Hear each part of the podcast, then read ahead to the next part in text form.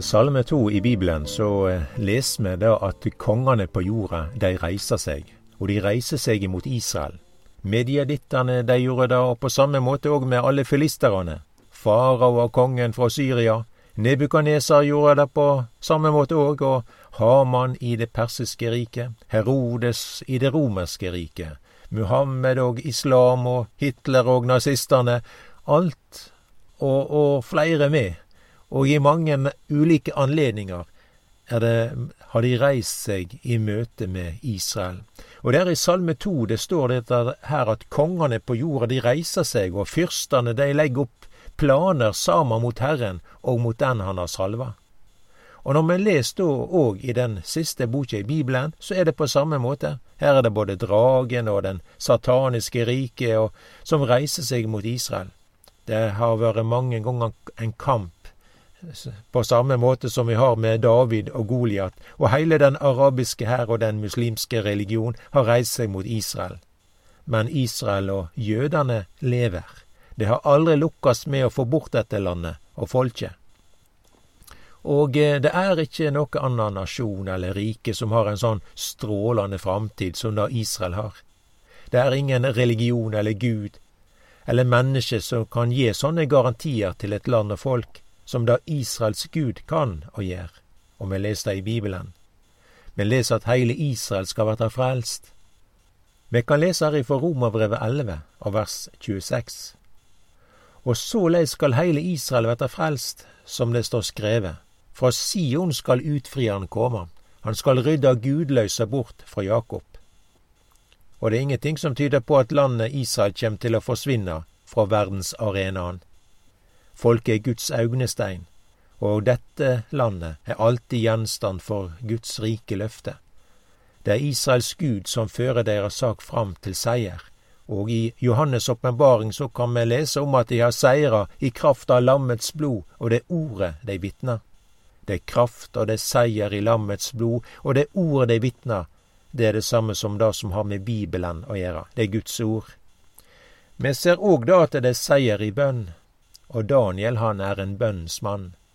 Og det er, det er eh, mange ganger at vi finner denne her eh, Daniel i bønn.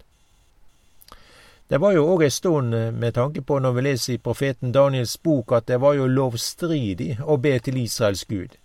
Men Daniel gjorde det likevel. Vi kan lese litt her ifra Daniel kapittel 9 av vers 3.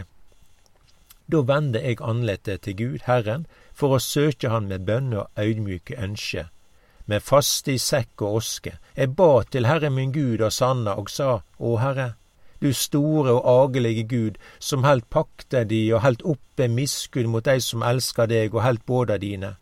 Vi har synda og bår oss ille åt, våre gudløse og trassige. Vi har veket av fra båda dine og lovene dine. Vi høyrde ikke på tjenerne dine, profetene, som taler ditt navn til kongene våre, hovdingene og fedrene våre, og til alt folket i landet. Dette her er jo ei bønn som eh, en kan lese, og som står helt fram til vers 19 her i Daniel 9. Og jeg synes det er inspirerende å lese om når Daniel er i bønn til Gud. Det er en mann som har lært å gå bønneveien.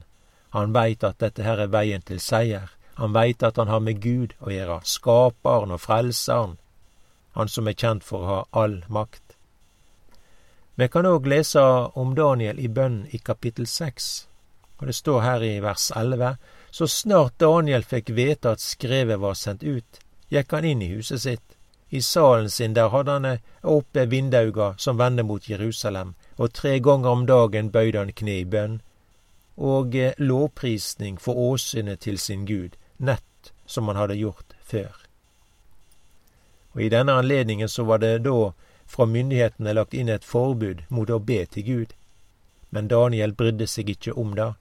Ingen konge eller statsmakt skulle ta bort dette privilegium og be til sin venn og frelser. Og det er i denne anledningen at Daniel blir teken mens han ber, og kongen må kaste han som løvemat.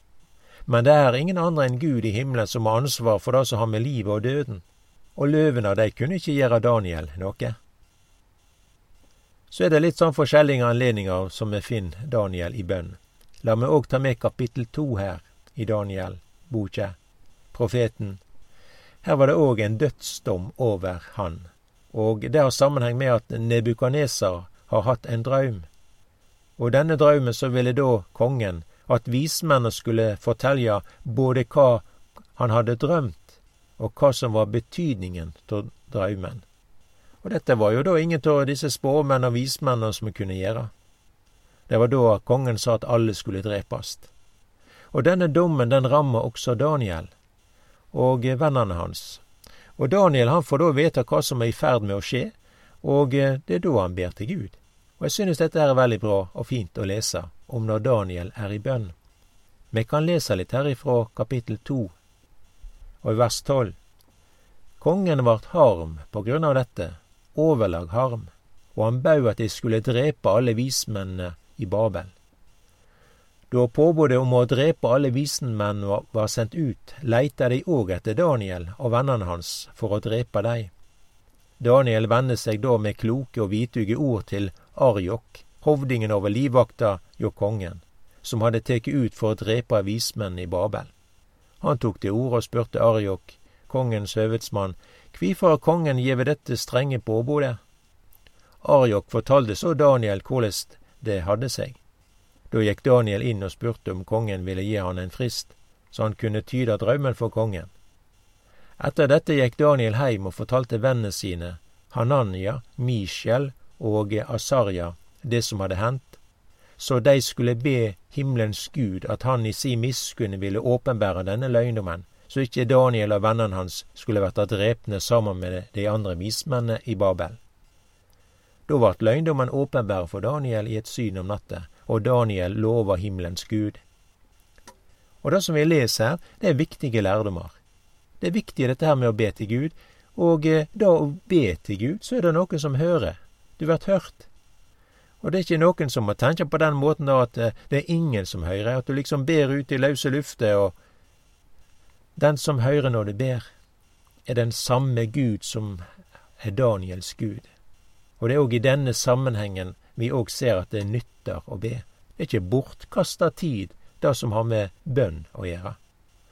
Og det er noe som er det mest verdifulle sak av alt, så er det å be til Gud i himmelen. Vi lærer òg dette her, at det er ingenting som er umulig for Gud. Og det er veldig mange løfter som er knytta til det å be. Vi kan jo lese blant annet i Matteus 18 og vers 19. Atter seier dykk, alt det to av dykk på jorda vert samde om å be om, skal eg få av Far min i himmelen. Så vi lærer her at her er det store ringvirkninger med det som har med å be til Israels Gud. Vi ser òg dette her at det, det med bønn, det bergar liv. Det står her i vers 24 i denne Daniel 2. Så gikk Daniel til Arjok, som kongen hadde gjeve påbud om å drepe vismenn i Babel. Han kom til han og sa, Drep ikke vismenn i Babel. Før meg inn til kongen, så vil jeg kunngjøre tydninger for kongen.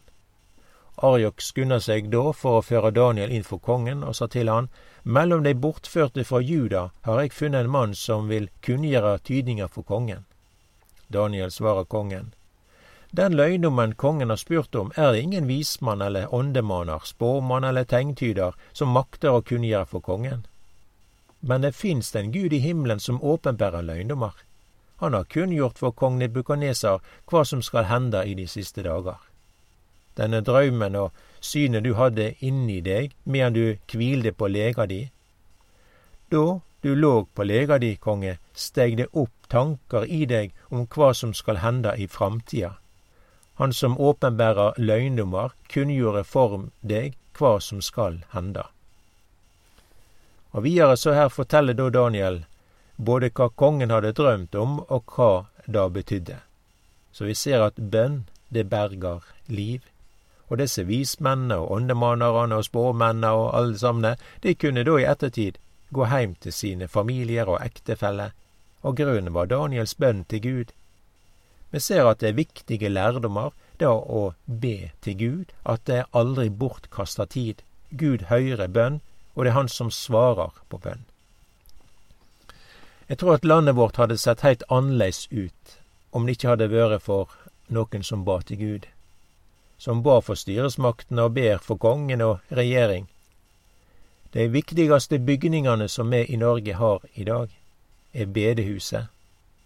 Det er mange viktige saker som blir gjort i bønn. Og det er et arbeid som ikke kan erstatte noe annet.